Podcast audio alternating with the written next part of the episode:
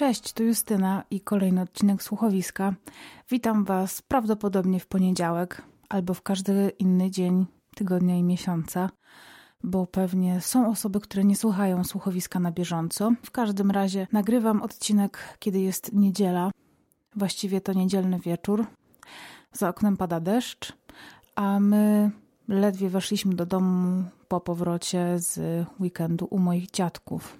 Zazwyczaj weekendy spędzamy w Warszawie i albo poświęcamy je na to, żeby się wyspać i nic nie robić, i przede wszystkim nic nie musieć robić, co przez y, wiele osób może być postrzegane jako po prostu zmarnowanie weekendu i czasu, który można wykorzystać na tyle różnych sposobów no ale my wykorzystujemy ten czas głównie na odpoczywanie. Albo czasami w weekendy nadrabiamy jakieś kulturalne zaległości, czyli albo idziemy sobie w jakieś miejsce, które ja bym bardzo chciała zobaczyć i którego nie widziałam, bo to zazwyczaj chodzi o pokazanie mi jakiejś nowej miejscówki w Warszawie, której jestem ciekawa. Zazwyczaj jestem ciekawa takich powiedzmy może mało popularnych pod kątem turystycznym miejsc w Warszawie.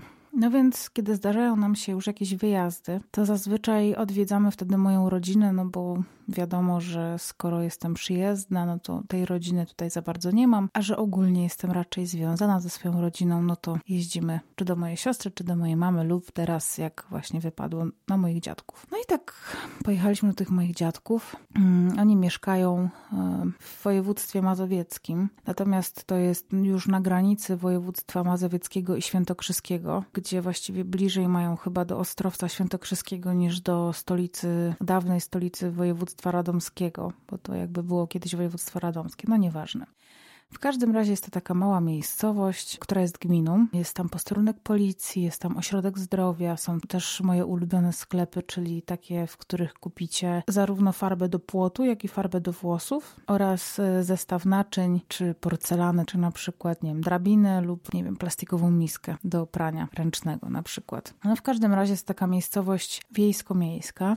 I z tą miejscowością moi dziadkowie nie są jakoś związani historycznie, to znaczy poniekąd moja babcia jest. Natomiast moi dziadkowie tam zlądowali dopiero w 95 roku tak na stałe, dlatego że moi rodzice w 93 roku szukali jakiegoś miejsca w Polsce, w którym mogliby kupić dom i zrobić sobie taką po prostu daczę, do której będzie można wyjechać. Dlatego no, genialnie wpadli na pomysł, żeby kupić dom 300 kilometrów od Zabrza, od Śląska, w miejscu, w którym na przykład nie ma ani żadnych atrakcji turystycznych, ani nie ma żadnej wody, ani gór, ani nic, po prostu są pola.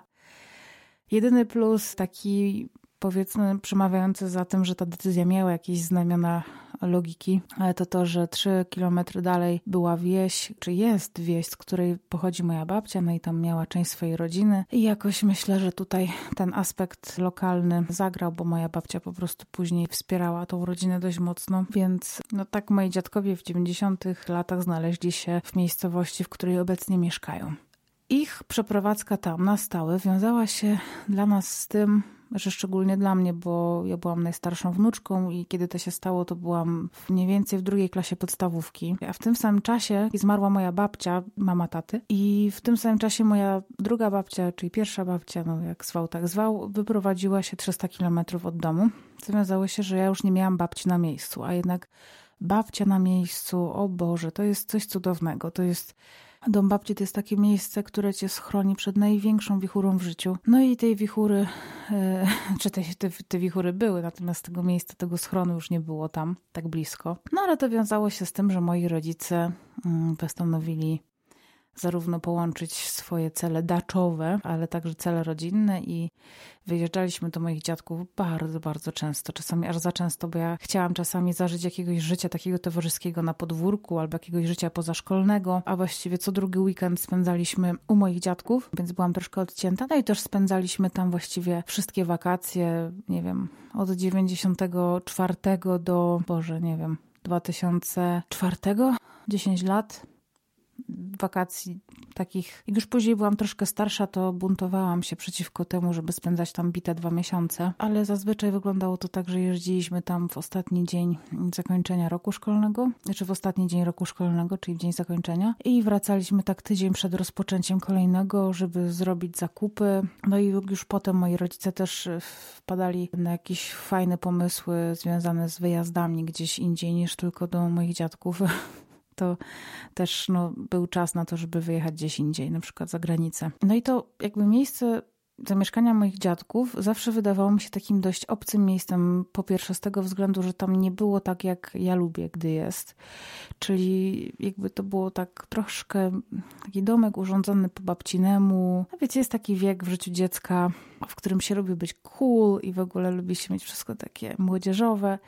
No więc jak na przykład lądowałam tam na dwa miesiące i na przykład czytałam sobie Brawo, czy przeżywałam jakieś tam swoje dramaty i miłostki, no to się czułam troszkę wyobcowana. Po pierwsze dlatego, że tam nie za bardzo miałam znajomych, takich, z którymi utrzymuję kontakt w szkole na co dzień. Po drugie, nie miałam tam też na przykład swoich instrumentów. Ja wtedy bardzo dużo grałam, nie wiem, czy na pianinie, czy komponowałam sobie muzykę na komputerze, a moi rodzice nie zgadzali się nigdy na to, żebym ja komputer wzięła ze sobą na wakacje. Dzisiaj to jest zupełnie normalne, no bo wiadomo, że to jest po prostu laptop, ale wtedy no, trzeba było brać cały komputer, monitor, skrzynię, klawiaturę i tak dalej, i tak dalej. Raz mi się udało ich namówić, żeby mi, ale to już byłam w liceum, żeby mi pozwolili wziąć komputer ze sobą. Bez internetu, ale robiłam sobie przynajmniej muzykę przez całe wakacje.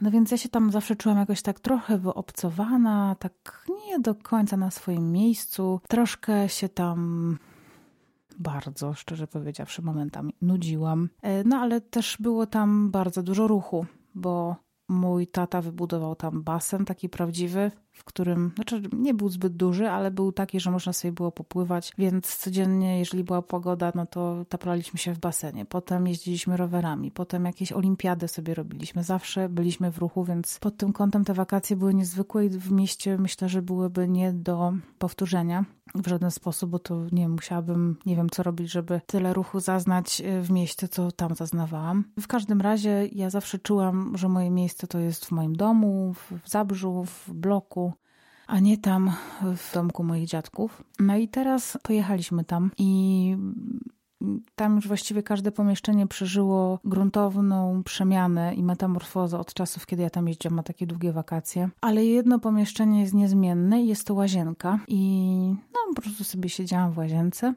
I autentycznie zatraciłam, nie wiem czy czasami macie takie uczucie, ale ja czasami je miewam, że tracę poczucie czasu.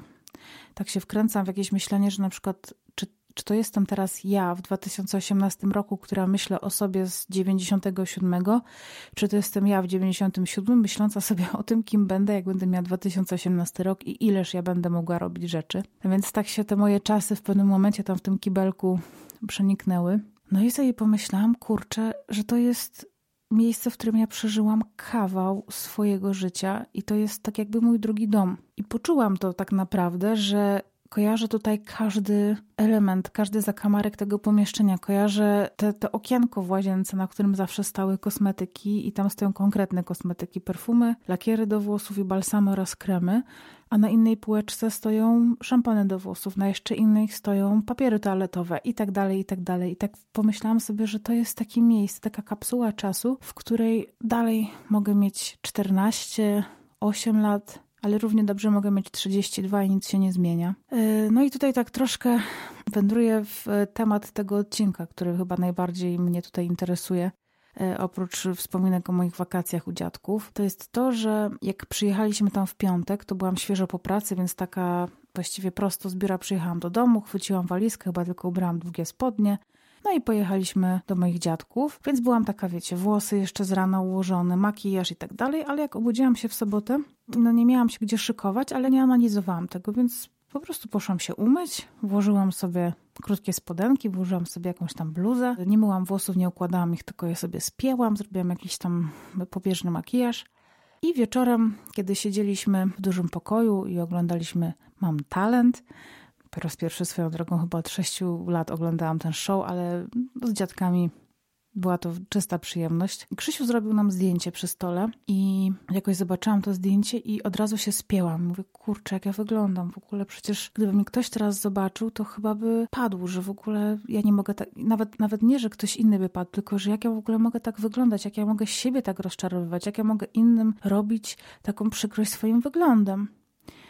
I jak siedziałam w tym kibelku i nagle do mnie dotarło, że wpadłam w jakąś bardzo dziwną pułapkę spójności, że mam taką potrzebę wyglądania zawsze tak samo. No nie mówię o tym, że codziennie mam się ubierać tak samo, ale wiecie, że to jakby ma być ten sam poziom zadbania, powiedzmy, że nawet sama przed sobą nie potrafię odróżnić tych momentów, kiedy człowiek musi albo powinien, a od tych momentów, kiedy zupełnie tego nie musi robić i nie jest wtedy gorszy, nie jest, nie jest wtedy obrzydliwy czy jakiś odrażający, tylko jest sobą, jest luźny, jest zrelaksowany, nie musi się starać w taki powierzchowny sposób. I naprawdę mam 32 lata i dotarło do mnie, że wszystkie te sytuacje, kiedy wyglądałam okropnie w swoim życiu i naprawdę miałam ochotę rozbić lustro, to były momenty, w których właśnie mogłam wrzucić na luz i byłam w domu i nikt mnie nie oglądał, a ja cały czas filtrowałam swój wizerunek przez potencjalne oczy, które mogłyby mnie w tym momencie zobaczyć, albo ludzi, którzy pomyślą, ej, ale Justyna inaczej wygląda jak jest w pracy, a zupełnie inaczej wygląda jak siedzi u swoich dziadków. Coś tutaj, kurczę, jest nie halo, ta osoba jest jakimś oszustem.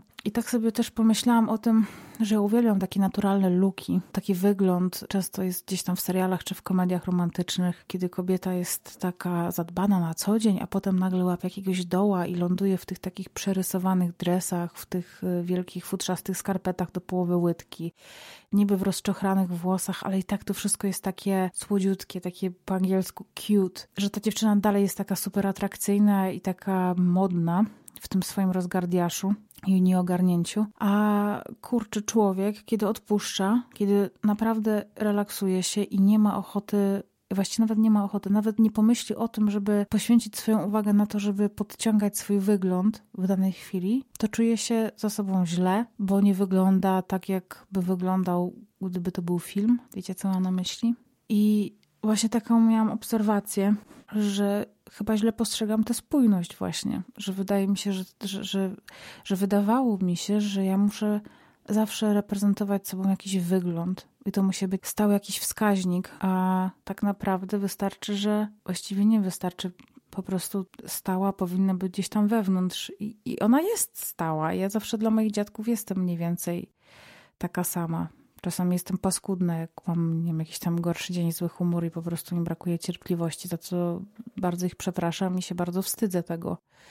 I nie jestem z tego dumna, ale tak ogólnie wydaje mi się, że spójność właśnie jest wewnętrzna i gdy uświadomimy sobie, że najważniejsza spójność, jaką powinniśmy mieć, to spójność, ta wewnętrzna, to wtedy się nie będziemy już w ogóle niczym przejmować, że, że nawet nie przejdzie nam przez myśl, żeby filtrować swój wizerunek przez tysiące oczu, których y, nawet nie ma, które sobie tylko wyobrażamy. I że częścią życia jest właśnie to, że są sytuacje, w których musimy bardziej wyglądać, są sytuacje, w których musimy się bardziej skupiać na wyglądzie, a są sytuacje, w których wystarczy, że się skupimy na tu i teraz i nic innego nie ma tak na dobrą sprawę znaczenia. No i tak sobie właśnie wykminiłam, takie, takie odkrycie mam z tego weekendu o spójności i olśnienia, którego doznałam siedząc w kibelku u moich dziadków. W tym samym kibelku, który został wybudowany w 95 roku. Albo czwartym chyba, nie, w czwartym został wybudowany. Dobra, trochę chaotycznie, troszkę urywam trochę urywam nagle temat, ale wydaje mi się, że jak na poniedziałkowy poranek lub niedzielno-poniedziałkowy wieczór lub jakikolwiek inny dzień, to wystarczy i życzę Wam wszystkiego dobrego, życzę Wam wspaniałej jesieni, bo fajnie się zaczęła deszczem delikatnym i wszystkiego dobrego. I do usłyszenia. Pa, pa!